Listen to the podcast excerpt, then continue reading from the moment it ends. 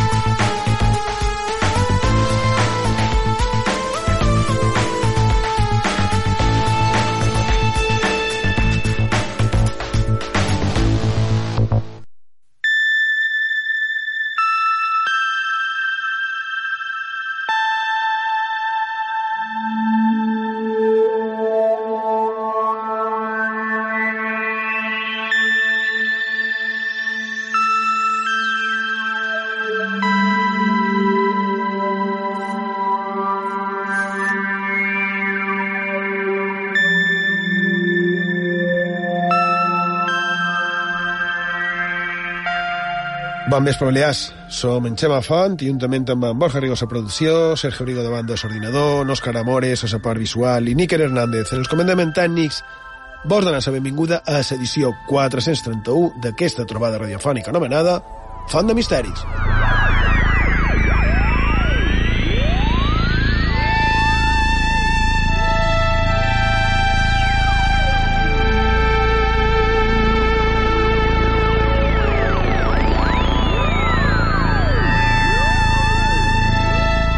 Bon vespre, Borja Rigo.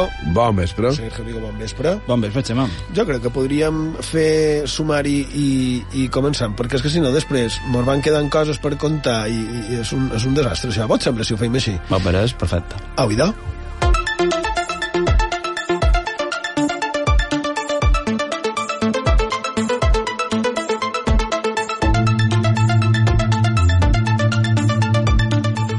En aquest programa 431 de Font de Misteris intentarem que no se mos vagi cap, perquè comencem el programa xerrant d'animals vius i morts que han sobreviscut sense cap i també de llegendes i persones que anaven sense cap pel món. I en teoria, també de cants i fantasmes d'animals, però ja veurem on li pegam.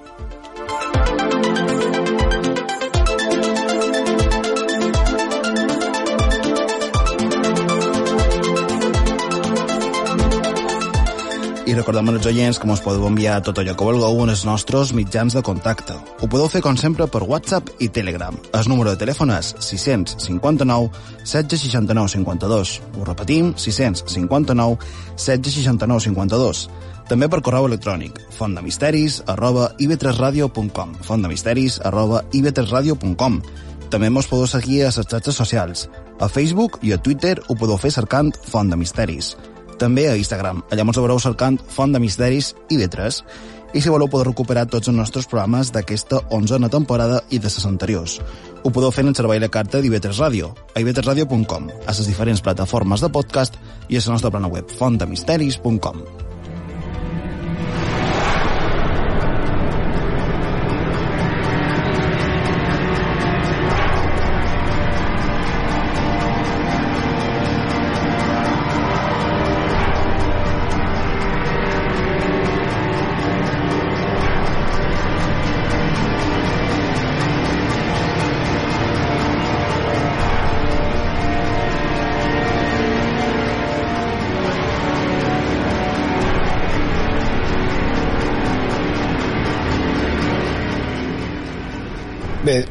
parell de setmanes parlant d'animals i tenim previst seguir una mica més. Perquè, per començar, en Sergio mos du dos temes ben estranys i inquietants relacionats amb animals. En aquest cas, aus. Eh? I jo crec que mos sorprendrà, Sergio Rigo. I si avui volem comentar una notícia que vam poder llegir fa uns dies a La Vanguardia, que ens va cridar molt l'atenció. El titular era el següent. ¿Qué detrás de las palomas zombies que se han visto en la isla de Jersey? Anem a aprofundir en aquesta història.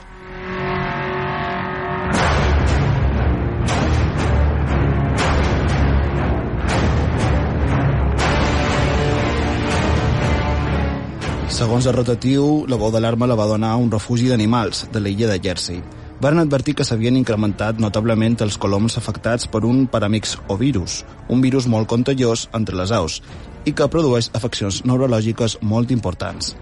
Dites afectacions poden produir símptomes molt llamatius, com poden ser que, que, escarrufen un poc, no? En els vídeos, no sé si s'heu vist en els vídeos, però escarrufen un poc, diuen. Els colons afectats tenen un desplaçament erràtic, caminen amb el coll girat, i per això se'ls ha, se ha denominat coloms zombis.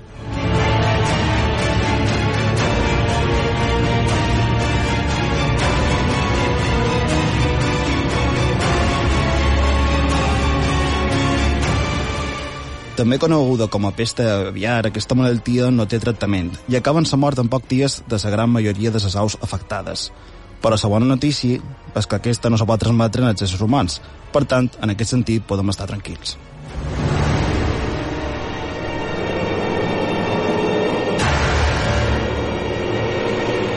El virus se propaga per l'aire, es difon molt ràpid i quan doim és molt letal. El més esgarrifós que conta Vanguardia és que produeix diarrea a sau i a poques hores mor. Per les que aconsegueixen sobreviure alguns dies més s'ofreixen lesions cerebrals que acaben produint aquests moviments tan estranys.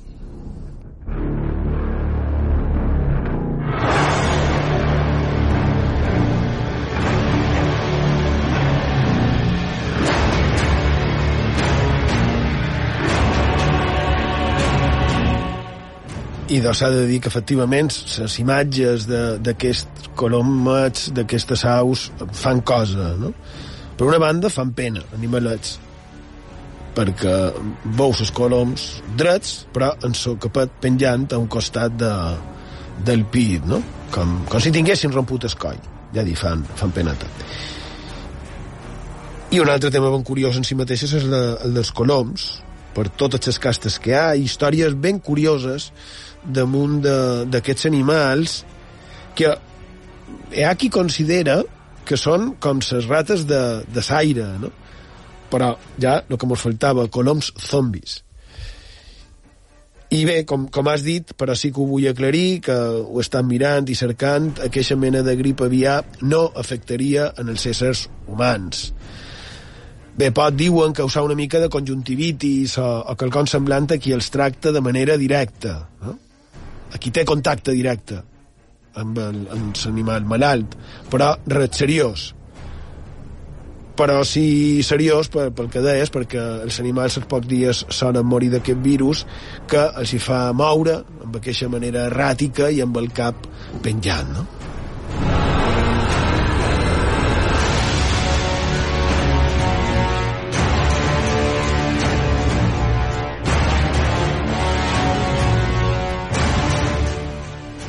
Però, parlant de caps, d'aus zombis i de moure's de manera erràtica, mos hem d'anar a una altra història. No és un colom, però també és un altre animal de granja. Eh? Un pollastre. Un pollastre que es va fer famós fa uns anys, Sergio Rigo. Efectivament, Xema, ara no podem deixar de comentar una estranya història que se va produir a mitjans del segle XX, concretament en 1945 anem a conèixer alguns apunts de la història de Mike, el pollastre que va viure un any i mig sense cap.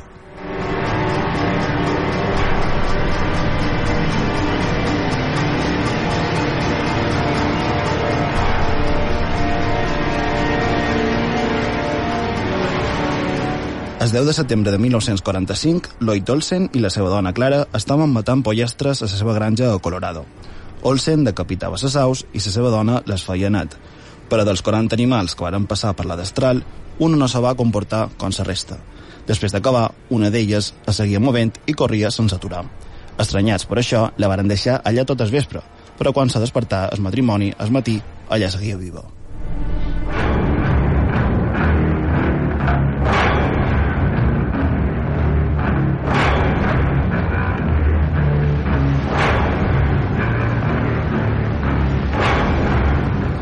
Olsen així va decidir vendre al poble els pollastres nets i apostar entre els habitants que tenia un animal sense cap i viu. Així el rumor sobre aquesta au miraculosa va començar a córrer. El diari local, segons han llegit a la BBC, va enviar un reporter a entrevistar a Olsen i dues setmanes més tard va anar a visitar el matrimoni un promotor d'espectacles que els va proposar dur el pollastre a un circuit de fires i així guanyar diners. Per a les dificultats econòmiques del matrimoni varen acceptar la proposició. Així, després d'unes proves i d'intents de repetir l'experiència a universitats com a Utah, el matrimoni va començar la gira per als Estats Units, visitant en Califòrnia, Arizona, i Mike va arribar fins al sud-est d'Amèrica. Els viatges d'aquest pollastre van ser documentats per Clara, però després de la primera gira, a la primavera de 1947, en Mike va morir.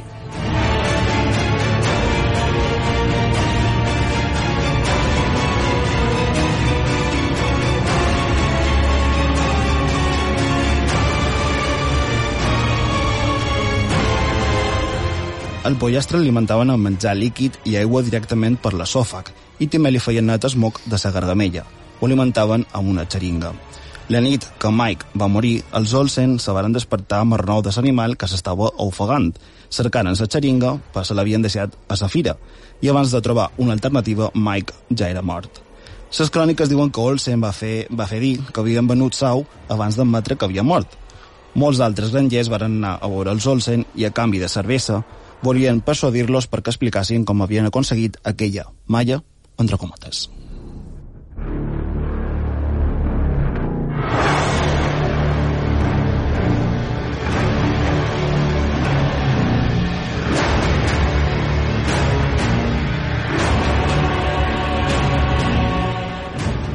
Bé, màgia, no ho sé, però un fet digne del llibre Guinness del rècord, sens dubte, perquè la veritat és que un pollastre viu, literalment viu sense cap i literalment sense cap i durant 18 mesos no és massa habitual.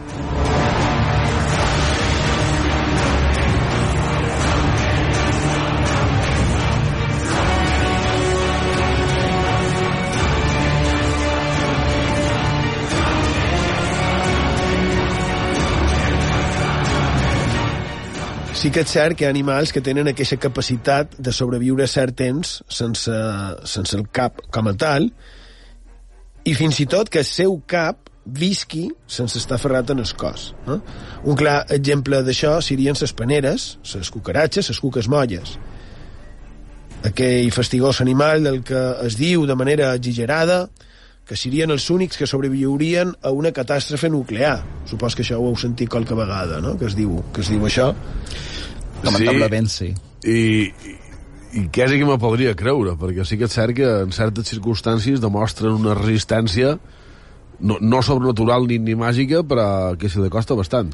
I uh, és cert que moltes sobreviurien, i jo crec que és interessant i de tractar-ho per un altre, per un altre Bé, ja, programa, quan- és perquè sobreviurien en bona mida perquè no és que siguin eh, com se diu, que, que, que no és que no els afecti la radioactivitat ni molt manco, però sí que tenen més capacitat de, de, de gontar-la, però sobreviurien a un atac eh, nuclear per un altre motiu, probablement. Jo, amb alegria, pens que tanta sort que a l'època que ens ha tocat viure, aquests animalets tenen un tamany que està bé. Perquè Segon- si haguéssim viscut a època de dinosaures, per exemple, se parlava de, de cuques molles de, de més un metre, o un metre i mig, que ja n'hi ha. O sigui, així, així està bé. De totes maneres, jo crec que hi ha gent que per ben petites que siguin no li fan absolutament cap, cap gràcia, no? I està present aquí a la taula. Sí, eh? Està, està assegudat aquí, eh, Sí. Sergio Rigo? Bé, el cas és que sí que és cert, no sé el tema nuclear de moment com quedarà, però sí que és cert que s'ha demostrat que poden viure fins i tot durant setmanes sense cap. I és perquè, de manera natural, se'ls tapona, se'ls coagula ben aviat la ferida i no perden els, els seus fluids vitals, no? I a més, també tenen la particularitat que el seu metabolisme els hi permet viure molt de temps sense menjar ni beure. Eh? I bé, és que de fet solen morir per infeccions, per mort de la ferida, que no per haver-li esteat el cap. No? I per altra banda, això el cos en si mateix, no? però per altra banda el cap es manté com si diguéssim conscient també durant un temps no? és a dir, que és tot molt curiós i fastigós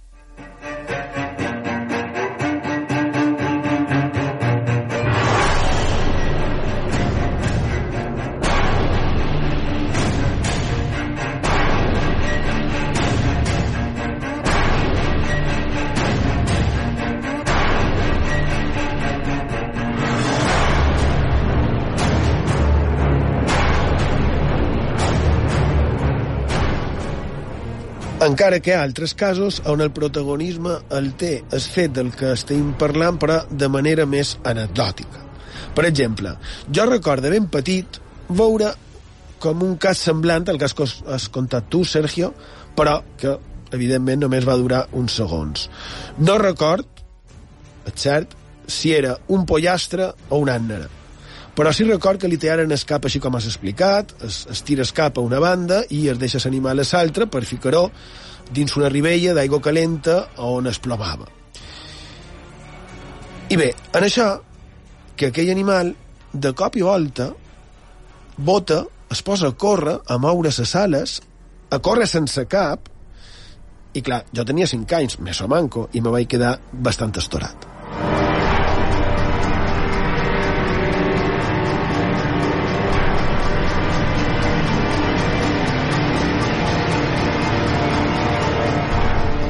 Això sí, és cert que, que realment va córrer molt poca distància, però despedrís a Gonera cap avall i a córrer. Però això que mos pot sonar sorprenent, jo crec que és sorprenent en si mateix, no?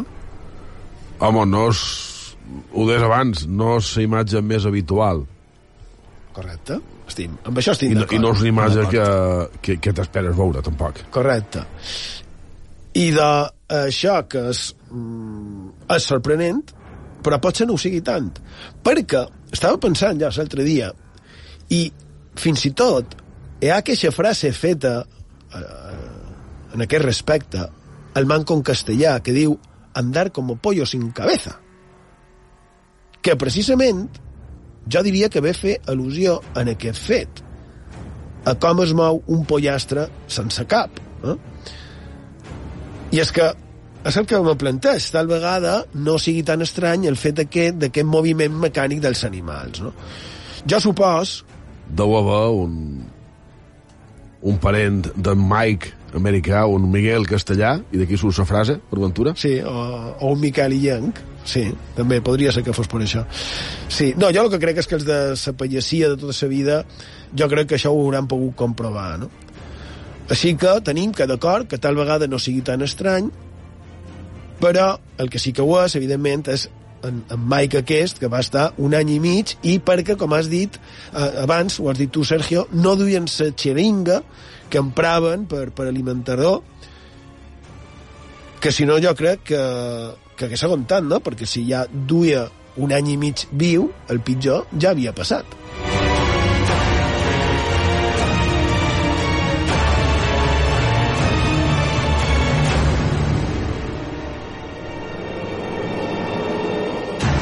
Està clar que té la seva part científica, la seva explicació científica. Diuen que va ser perquè se li va tallar el cap de manera que una part del bulb raquidi es va salvar i les ferides que se li feren quan se li va tallar el coll varen coagular de manera imminent.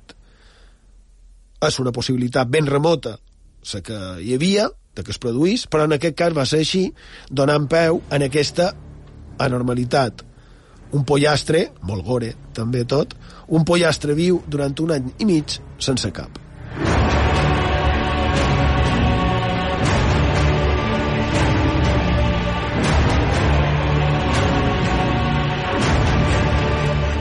Bé, nosaltres hem, hem vist i hem mirat les fotos, etc.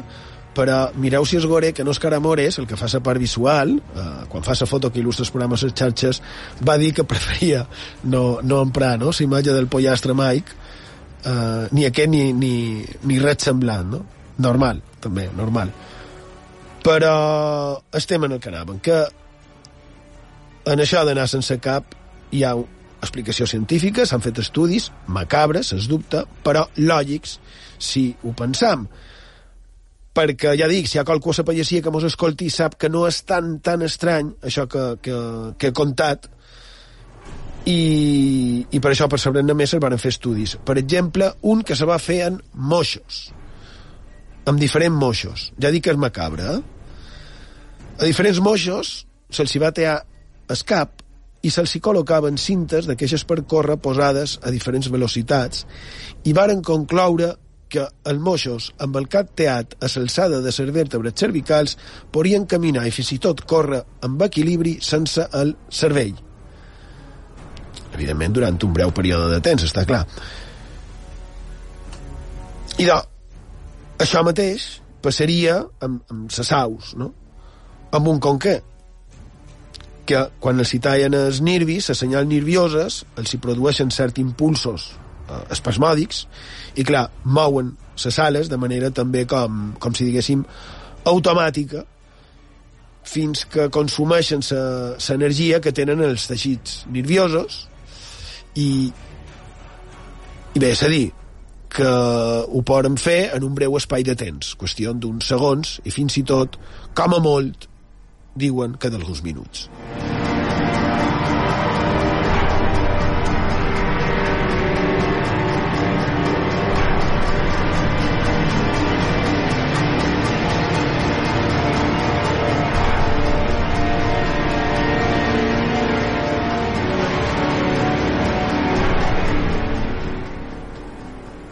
Bé, i d'ara, si un cas, farem una, una petita pausa, molt breu, i anava a fer una semblança però no la faré. Vinga, fem una petita pausa i tot d'una seguim parlant de històries, de caps teats, d'estranyes i inversemblants reaccions i ja també després de fantasmes. Aquí, a Font de Misteris, a IB3 Ràdio.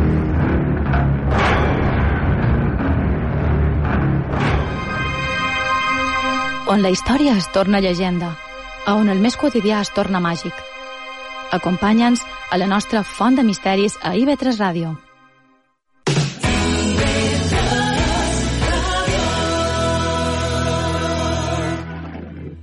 Jo vaig començar de jove en la bateria. Ets un bateria, en el fons, eh? Mon pare és músic i li va aparèixer bona idea que tocat la bateria. A ma mare se va anar a queixar a mon pare i mon pare li va contestar mentre toqui la bateria no anirà darrere ses nines. Va estar tancat el tema. I vaig seguir tocant la bateria. Una jam session de sons i paraules, amb Mònica Borràs. El problema és que quan no tens grup, tocar la bateria és molt avorrit. Diorama, de dilluns a dijous, de 10 a 11 del vespre. I m'ho he passat la guitarra. I això és història. Ens endinsam en el teatre, en la literatura, en el cinema, en la música i també en l'art. En la grisó cultural que tenim va ser capaç de dir hem de començar a fer cruix i començar a aflorar l'alegria, la potència. Una iniciativa que compta amb la participació de diferents professionals del sector, entre ells, per suposat, els artistes. Un artista multidisciplinar, ha fet caricatures, gravar, cartellisme i fins i tot pintura. De dilluns a divendres, de 6 a 7, t'acostam tota la cultura de les Illes Balears. Entusiastes, amb Anna de la Salut.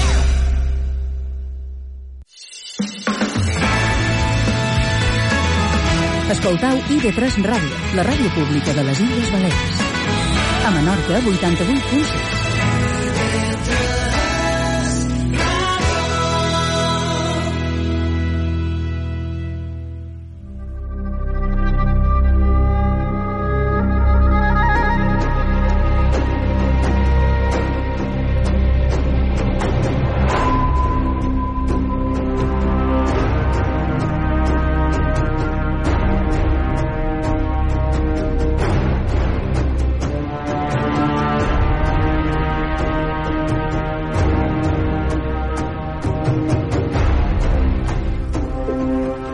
Seguim a Font de Misteris, a sintonia d'IV3 Ràdio, la ràdio pública de les Illes Balears. A Menorca mos podeu trobar en el 88.6 de la freqüència modulada i volia seguir amb aquest tema de caps teats, quines coses, i, i volia fer dues anotacions més.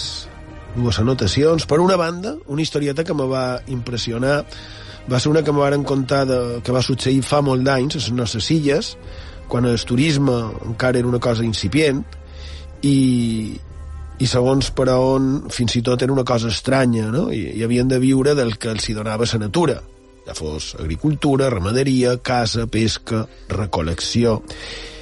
I en aquest cas podem dir que entre caça, pesca i recol·lecció. I és que fins fa no tant no era estrany, per segons quines parts del nostre litoral, veure tortugues. Eh? Les tortugues marines tan fàcils d'agafar. Simplement era això, agafar-les mentre naden. Ja dic que no sé si és caçar, pescar o recol·lectar. Els cases que es, feien a guiats de tortuga.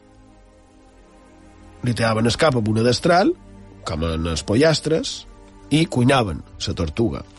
Que, que, que llunyà i estrany sona tot això, eh? però clar, mos hem de situar en el temps, evidentment. El cas és que un senyor major, a les pitiuses, me va contar com per cuinar la tortuga li varen tear el cap, el varen rebutjar, el cap de l'animal, i ara que parlava de, de moixets, i d'un moixet que hi havia per allà, es va anar cap a, cap al cap, i quan va anar a pegar-li mossegada, qui se l'en va dur va ser el moixet. Va resultar que aquell cap de tortuga va reaccionar tot sol pegant-li mossegada a la pota del moix, quedant aferrat el cap de la tortuga a la poteta del moix que també, vaya, quina imatge.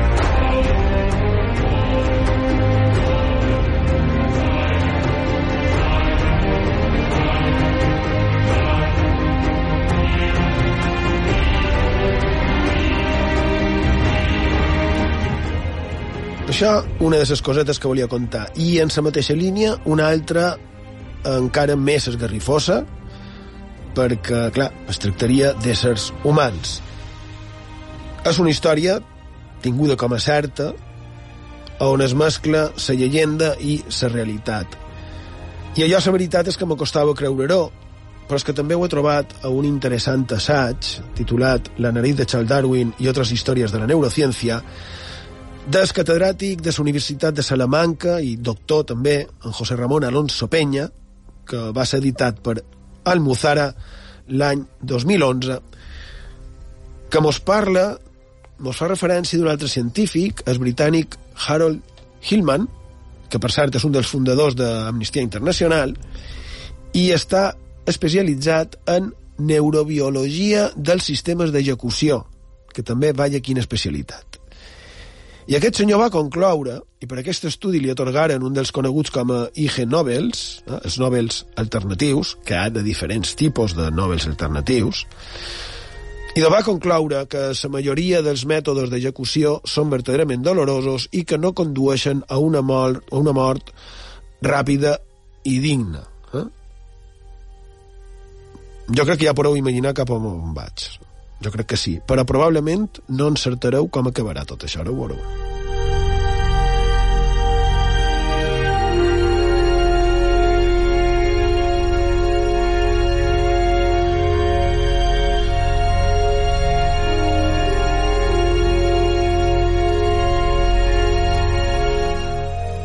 L'estudi d'aquest científic diu, per exemple, que la decapitació, fins i tot mitjançant la coneguda com a guillotina, no dona, no, no, du, no és una mort instantània. Bé, mort, sí, clar, però no la pèrdua de consciència de manera immediata. Això ja et sabia i després veurem un cas proper, eh, molt proper, damunt d'això. Però la pregunta és, d'acord, això damunt la consciència, però damunt del cos, què passa quan un li tallen el cap?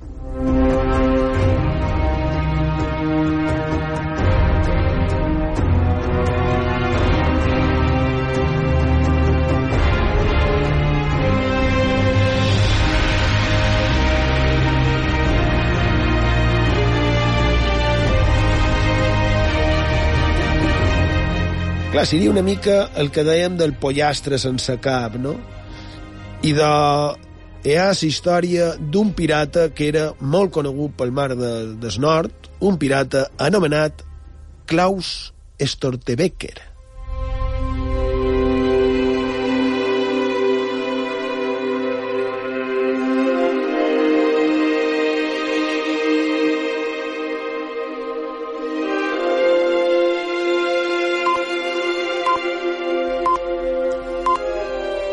Ah, mira, si abans s'ha dit allò d'anar com a pollastre sense cap, i de, ara mos vendria bé una altra frase feta, pirata d'aigua dolça. Eh? I bé, és que aquest Klaus eh, Stortebeker jo crec que no complia amb el significat de la frase feta, però sí que ho era un pirata d'aigua dolça perquè es movia per un riu, pel riu Elba, eh? que arriba fins al mar del nord, en el nord d'Alemanya, i ell era el capità dels pirates que se movien per allà i que eren ben influents, tant com per ser contractats com a corsaris i, i mercenaris. No? Això va ser quan la guerra per la supremacia del Bàltic, a final del segle XIV, i ells, els pirates aquests, lluitaven contra els danesos i ajudaven en els suecs. S'acaba la guerra i aquest pirata i el seu grup decideixen seguir fent de les seves, dedicant-se a això, a la pirateria. I diuen que també d'una manera una miqueta curiosa, perquè eren una mena de, no sé si dir cooperativa, però d'ell, d'aquest Klaus Stortebeker, diuen que era com un Robin Hood, amb molt de poder i, i molt de tresors, però que diuen que se compartia fins al punt de que hi ha poblacions que a dia d'avui encara el recorden en aquest pirata i fan una mena d'homenatge cada any, li fan una mena d'homenatge precisament per, per la seva generositat. El tema és que també aquest senyor anava fent enemics fins que es va decidir, per les autoritats, anar a capturar-ho i ho van aconseguir. I es diu que, que va ser així, com tantes vegades és història, no? que, que ho van aconseguir perquè un dels seus el va trair, i el va trair mobilitzant el sistema de maniobrabilitat del seu vaixell. I així que va ser capturat, juntament amb la seva tripulació, que era de 73 persones més. Varen ser engrillonats i varen ser jutjats a Hamburg. I ell va tractar d'oferir un tracte. Si els hi deixaven lliures a ell i als seus 73 homes, farien donació a la ciutat d'una cadena d'or que seria tan llarga que donaria la volta a Hamburg. És a dir, que seria tan llarga com el perímetre de la ciutat. I el senat d'Hamburg, tot ho fes, va dir que no.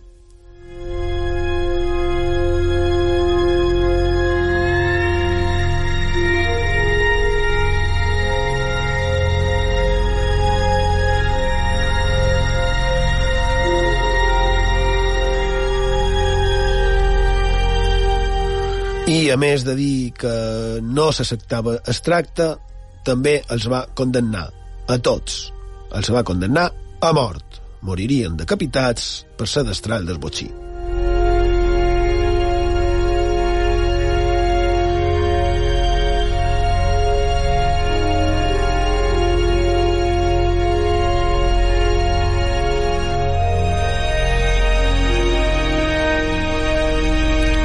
I ell, Néstor de Becker, desafiant, va demanar fer una mena de tracte o, o de pacte. Un, un pacte estrany, macabre i absurd. Perquè va demanar que deixassin en llibertat a tots els seus homes que, ells, que ell toqués un pic decapitat. I m'imagino que mort de rialles i com a darrera voluntat a, a un que imaginaven que havia perdut el cap, mira, en aquest cas podrien dir que mai millor dit, i de, ja m'imagino que davant d'això li varen dir que sí, que val, que el que tu diguis. I varen procedir en la seva execució.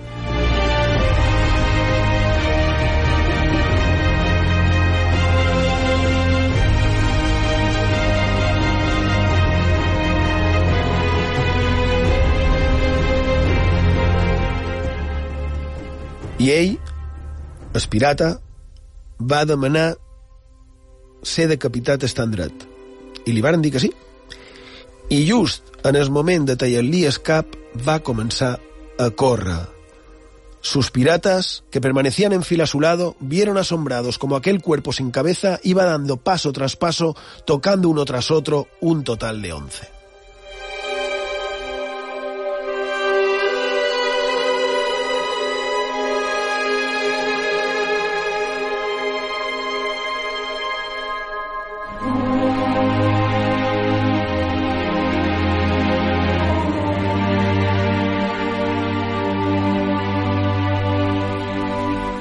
Cuando el cuerpo de aquel gigantón se acercaba al grumete del barco, por el que tenía un cariño especial, el alcalde, rabioso, le puso la zancadilla y el cadáver andante cayó al suelo.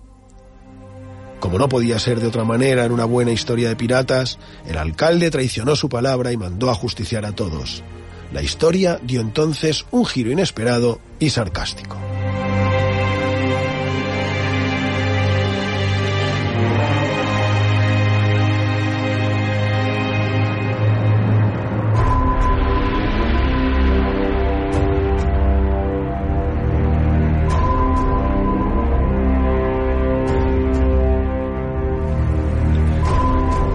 I això fa al·lusió a que els senadors d'Hamburg, un pic morts pel botxí, els 74 pirates, perquè no en varen perdonar cap d'ells, ni tampoc en el petit grumet, i dels senadors li varen demanar en el botxí que no estàs cansat després d'haver mort tanta gent. I ell va contestar que no, que en absolut. Els va contestar que estava tan fresc que encara els hi podria tallar el cap a tots ells a tot el Senat d'Hamburg. Però clar, com diu l'autor, José Ramón Alonso, autor del llibre La nariz de Charles Darwin y otras historias de la neurociencia, diu, como los políticos siempre han tenido poco humor para lo que les afecta, sentenciaron inmediatamente a muerte al verdugo y lo ejecutó el miembro más joven del Senado.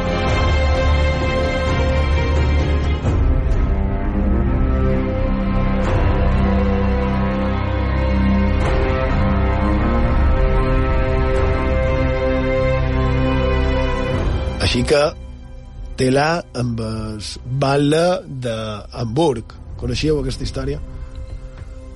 Realment no, i és, és d'aquestes realment sorprenents i, anava a dir simpàtica, no sé si és l'adjectiu més, més adient, però crec que, crec que m'enteneu. Sí, jo crec que sí que t'entenem. Ni idea.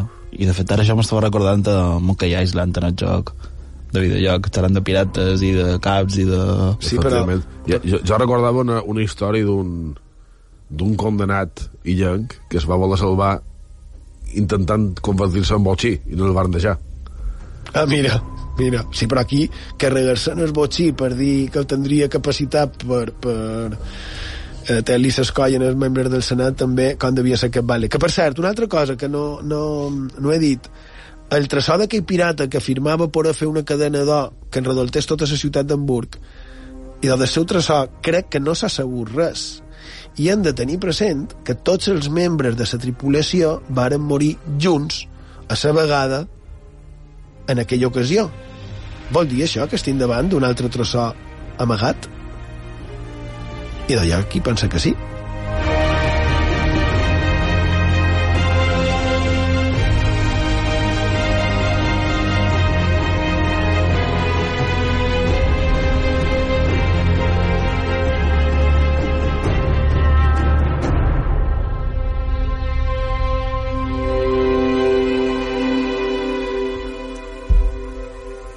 Ara bé, el per què he contat aquesta història, podríem dir història barra llegenda, no?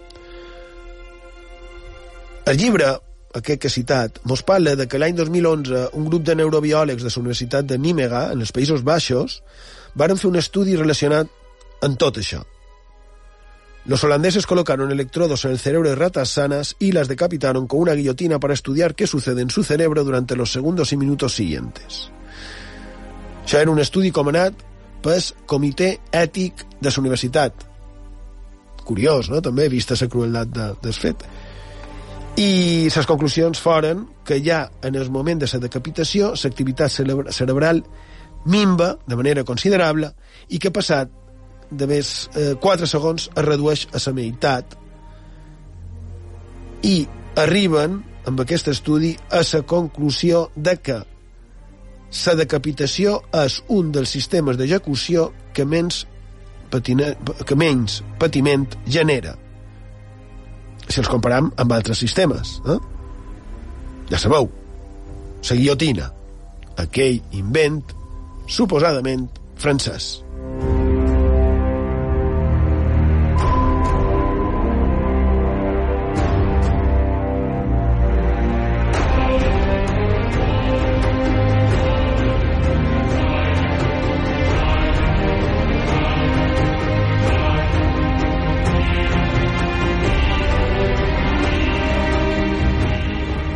Bé, ja ho deia en Javier Crae, la guillotina, por supuesto, posee el chic de lo francés, la cabeza que cae en un cesto, ojos y lengua de través. També deia que s'estimava més la hoguera, la hoguera, la hoguera. Clar, però estem parlant de teacaps, no estem parlant de cremallent. Eh? Un altre dia, si vols, eh, parlarem de cremallent. Però, anant a, en guillotines, sabíeu que hi ha cròniques de la Revolució Francesa que afirmen que els caps d'alguns guillotinats encara tenien consciència passat alguns segons després de morts? Fins a 30 segons, diuen. Mm? Sembla bastant clar que 30, i així ho demostrarien els estudis, mm, no podria ser encara que vagi vostè a saber, perquè ja tenim història de Mike, eh, el pollastre aquest, que tampoc té massa lògica, i, i seria un cas real i documentat. Però la realitat sembla que és que la consciència de manera biològica es perdria en un període molt breu de temps, però suficient per adonar-se'n de la situació.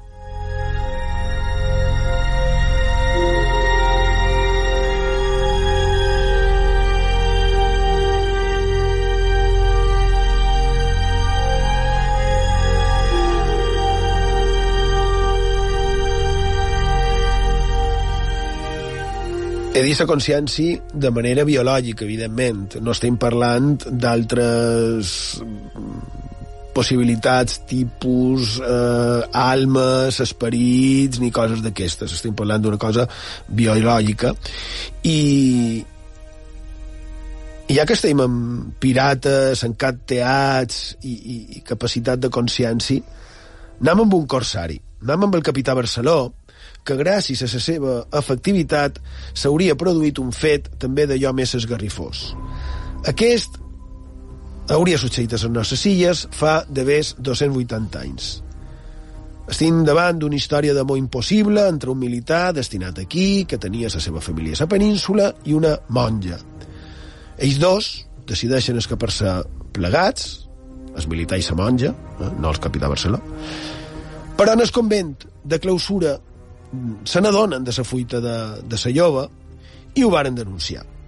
I varen enviar, ara sí, en el Corsari Barceló, en la seva captura, i ell ho va aconseguir i se va dur de tornada cap a Mallorca. I quin va ser el càstig? I de, ell enclaustrada tota sa vida en el convent, en unes condicions precàries i, i humiliants de per vida, 40 anys més diuen que va viure, i ell va ser condemnat a mort.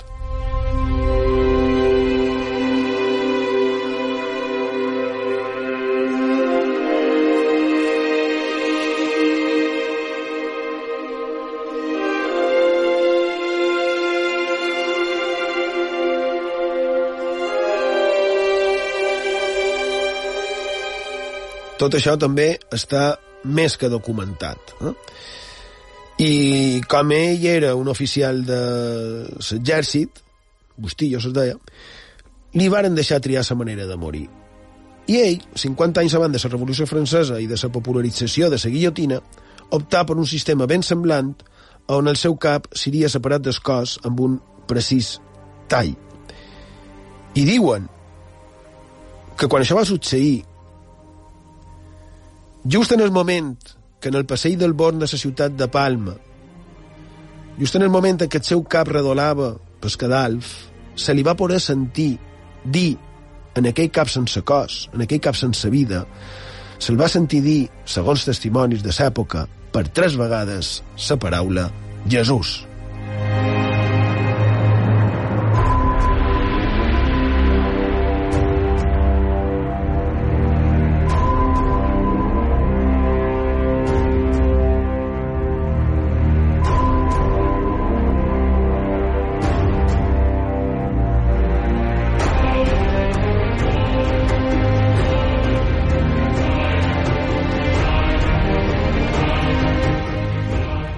Ara aquí, evidentment, podríem començar a contar històries de fantasmes que s'apareixerien sense cap, decapitats... No ho sé, un que s'ha fet molt popular és de Sleepy Hollow, eh, de Washington Irving, basat en antigues llegendes, clar. i que, com sovint passa, després s'ha fet molt conegut per una, per una pel·li, en aquest cas d'en Tim Burton.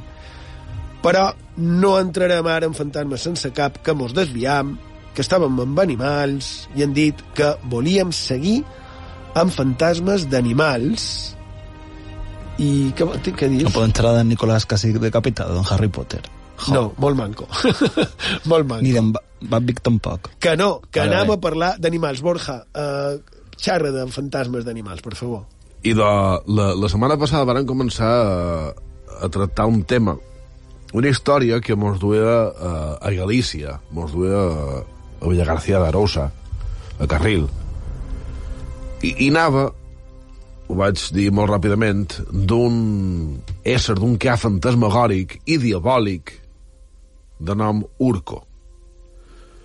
I ràpidament vaig, vaig citar un, un paràgraf d'aquesta història d'un article publicat per, per la Voz de Galícia. Si voleu, el torno a llegir per, per entrar en situació i després continuem. Diu, ben que vos sembla, diu, En las noches de tormenta de principios del siglo pasado, cuando el hambre quitaba más el sueño que el miedo al rugir de las olas, los vecinos de Carril despertaban de madrugada con el aullido del urco.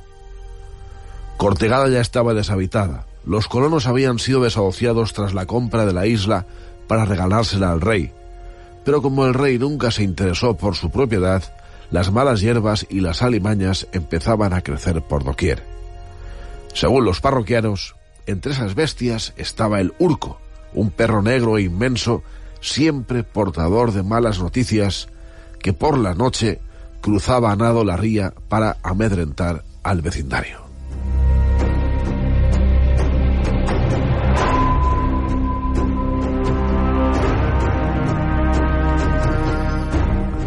Bé, aquesta història comença a agafar fama, segons se diu, a partir de l'any 1876, si bé és més antiga i no és exclusiva d'aquella zona de Galícia. Astúries també se conta cosa semblant, canviant el nom de César que compareix. En lloc de Urco és Huerco. Però quines són les seves característiques? I doncs, és un ca fantasmagòric i terrible de color negre, si bé altres versions diuen que és blanc. A més, això sí que coincideixen, du banyes i té orelles grosses.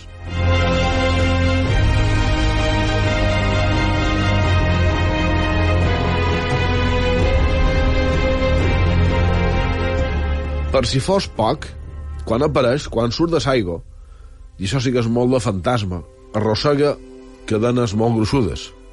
De fet, imagineu que se'l coneix també com a Cando Mar o, encara millor, Cando Inferno. I encara més coses.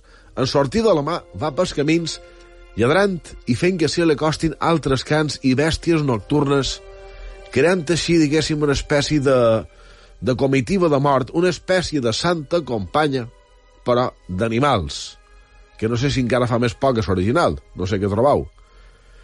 De fet, com la companya tradicional, veure aquesta és també preludi de desgràcia i fins i tot de mort. Se conten històries de gent que abans de morir el veia passar per davant la finestra. I, de fet, per trobar similituds, jo crec que mos podria fins i tot recordar una mica en el famós Cades Baskerville, no?, de sa, de l'obra d'en Conan Doyle.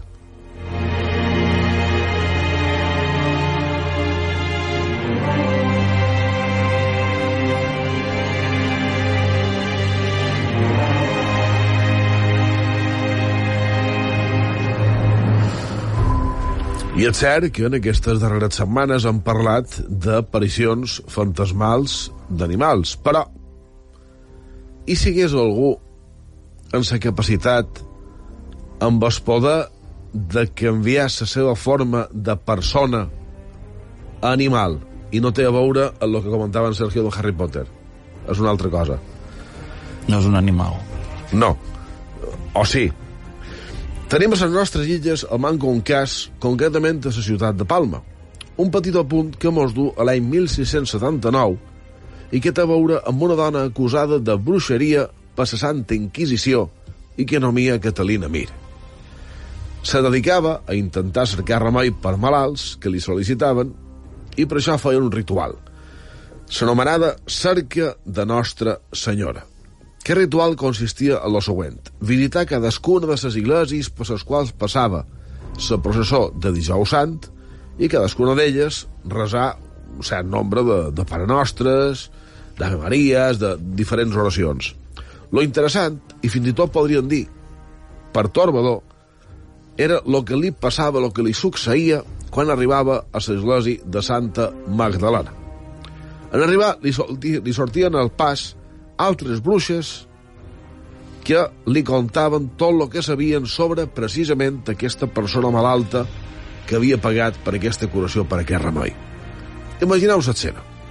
Caterina Mir arriba i se veu envoltada per aquest grup de bruixes que de vegades li posaven una corda en el coll per tractar d'ofegar-la i altres vegades li posaven en el cap unes banyes de xot. També li tiraven, atenció, trossos d'orinal i pots de vidre. I lo més interessant, anam amb el que anunciava fa un moment.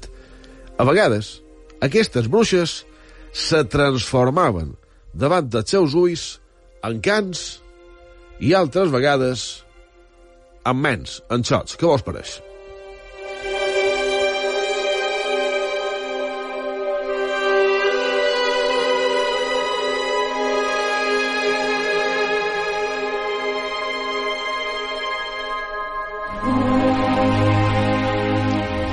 Que m'aparell m'ha fet com a pena, aquesta senyora, ara.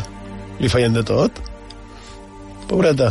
Sí, però... Curiós que té- fossin xots, eh? Perquè el xot no se té com un animal endimoniat. Una altra cosa seria que fos que fos un, un, un, un boc, però no, no un xot. És curiós, m'ha És, cridat és curiós, l'atenció. però també aquesta dona tenia la contrapartida. També li va comparèixer la Verge Maria per fer-li profecies. O sigui que ho tenia tot. Va, però això d'aparicions de mares de Déus per fer profecies seria un altre, un altre programa que faríem, eh? Que, que tu també... I si la Verge va amb un animal, això seria, seria interessant de trobar. Sí, també, també seria ben interessant. No, no crec que n'hi hagi moltes d'aquestes, però pot ser que n'hi hagi. Però jo vull seguir amb aquest tema. Jo crec que podem seguir perquè m'has donat peu a, a moltes coses, perquè has mesclat cants i Santa Companya, eh, has, has, has mesclat... mm, Fixa't, has parlat de Baskerville quan jo he parlat de Irving Washington. És, és curiós totes aquestes semblances. I de, si, si vos sembla, demà no, però, però pues, proper cap de setmana podríem podríem pegar-li un parell més de, de fantasmes d'animals i com has dit tu abans, no, d'aquell que el veia per sa finestra, de les possibles conseqüències que tindrien aquests fantasmes d'animals. Aquí, la propera setmana, Font de Misteris, a IB3 Ràdio.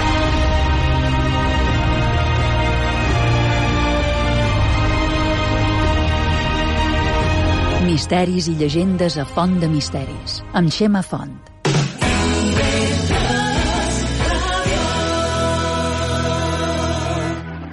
Dissabte i diumenge, la informació continua actualitzada a les 8 del matí i a les 2 del migdia als informatius cap de setmana de la ràdio pública. IB3 Ràdio, serveis informatius. Cada dissabte el Nautilus concentra el més interessant i el més important de l'astronomia, la biologia, la lluita contra el canvi climàtic, la paleontologia i fins i tot parlant de física quàntica. El Nautilus és l'espai de ciència i medi ambient d'IV3 Ràdio, donant veu als científics de les nostres illes. Dissabte de 12 a 2, Medi Ambient i Ciència a IB3 Ràdio. El Nautilus, amb Cristina Manda Tur.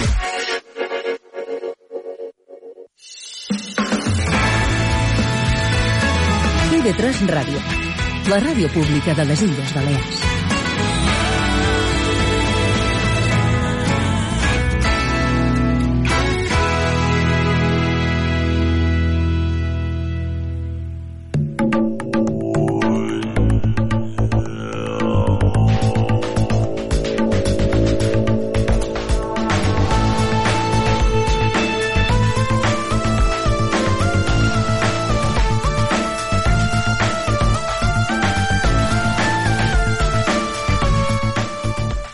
Hem arribat a la fi del programa d'avui. Esperem que hagueu passat una estona agradable i que hagueu pogut treure qualque cosa de profit d'aquesta font de misteris. I bé, el dia primer de desembre de 1955, fa res, pot temps, 67 anys i 8 dies, Una cosidora tornava a casa seva i va ser detinguda i jutjada per un delicte. Un delicte com va ser no aixecar-se per cedir el seient a un home a un bus que anava gairebé buit. Ell era caucasià i ella no. Hi havia altres seients lliures, però ell volia seure, segurament únicament per fotre, però ell va dir que volia seure just on era ella i la llei marcava que ella, pel fet del color de la seva pell, havia d'aixecar-se i deixar-li el seu seient. Però ella va dir que no, que ja n'hi havia prou, que ja estava bé, que aquella llei absurda i evidentment injusta no li faria moure-se.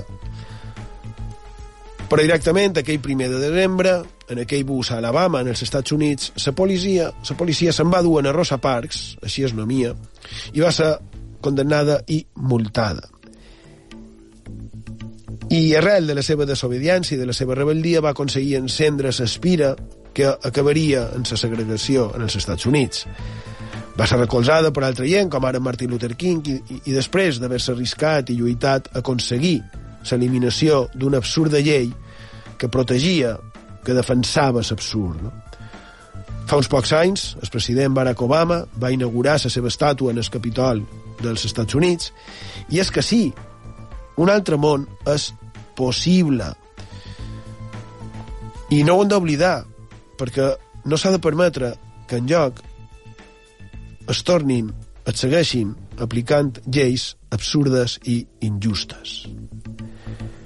Per acomiadar-nos, he volgut triar una cançó dels anys 30 del segle XX on metafòricament mos parla de fruits penjants d'un arbre, però realment fa referència a una altra cosa molt més tràgica. Esperem, esperem que no torni a succeir mai més en lloc. Però sí, ja ho sé. Això són les utopies del mig i nit del dissabte i Vetres Ràdio. I la lletra diu Els arbres del sud donen un fruit estrany, sanquen ses fulles i sanquen l'arrel. Cosos negres balancejant-se en la brisa del sud, estrany fruits, fruits penjant dels àlbers. Escena pastoral del sud galant, el suï de mussol i sa boca torta, olor a magnòlies, dolça i fresc. Després, la sobtada olor de can cremada. Aquí hi ha un fruit perquè els corps la rebassin, perquè la pluja el reuneixi, perquè el vent el xucli, perquè el sol ho podreixi, perquè l'arbre el deixi caure. Aquí hi ha una coïta estranya i amarga.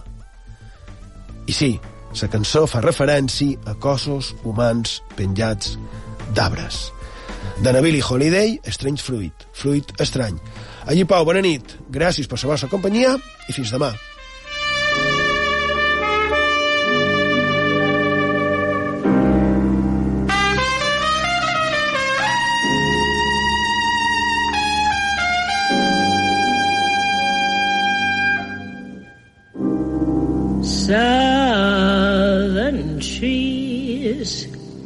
Bear strange fruit. Blood on the leaves and blood at the root. Black bodies swinging in the southern breeze.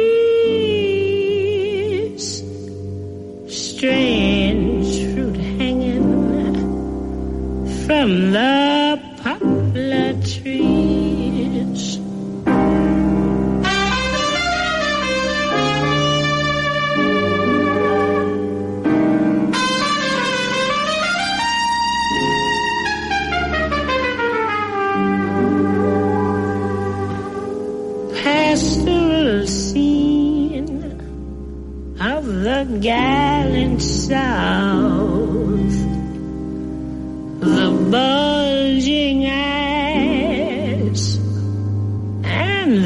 twisted mouth, scent of magnolia, sweet